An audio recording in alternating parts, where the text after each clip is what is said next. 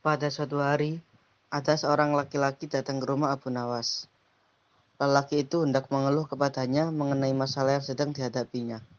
Dia sedih karena rumahnya terasa sempit ditinggali banyak orang. Abu Nawas, aku memiliki seorang istri dan delapan anak, tapi rumahku begitu sempit. Setiap hari mereka mengeluh dan merasa tak nyaman tinggal di rumah. Kami ingin pindah dari rumah tersebut, tapi tidak mempunyai uang. Tolonglah katakan padaku apa yang harus kulakukan, kata lelaki itu. Mendengar penuturan laki-laki yang sedang sedih tersebut, Abu Nawas kemudian berpikir sejenak. Tak berapa lama, sebuah ide terlintas di kepalanya. Kamu mempunyai domba di rumah? Tanya Abu Nawas padanya.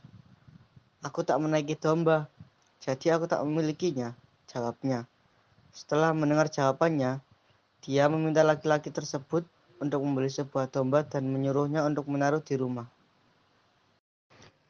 Pria itu kemudian menuruti usul Abu Nawas dan kemudian pergi membeli seekor domba. Keesokan harinya, dia datang lagi ke rumah Abu Nawas. Bagaimana ini? Setelah aku mengikuti usulmu, nyatanya rumahku menjadi tambah sempit dan berantakan. Keluhnya. Kalau begitu, cobalah beli dua ekor domba lagi dan peliharalah di dalam rumahmu. Jawab Abu Nawas. Kemudian, pria itu bergegas pergi ke pasar dan membeli dua ekor domba lagi. Namun, bukannya seperti yang diharapkan, rumahnya justru semakin terasa sempit. Dengan perasaan jengkel, dia pergi ke rumah Abu Nawas untuk mengadu yang ketiga kalinya. Dia menceritakan semua apa yang terjadi, termasuk mengenai istrinya yang menjadi sering marah-marah karena domba tersebut. Dengan perasaan jengkel, dia pergi ke rumah Abu Nawas untuk mengadu yang ketiga kalinya. Dia menceritakan semua apa yang terjadi, termasuk mengenai istrinya yang sering marah-marah karena domba tersebut. Akhirnya, Abu Nawas menyarankan untuk menjual semua domba yang dimiliki.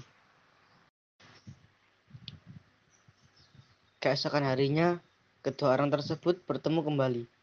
Abu Nawas kemudian bertanya, Bagaimana keadaan rumahmu sekarang? Apakah sudah lega? Setelah aku menjual domba-domba tersebut, rumahku menjadi nyaman untuk ditinggali.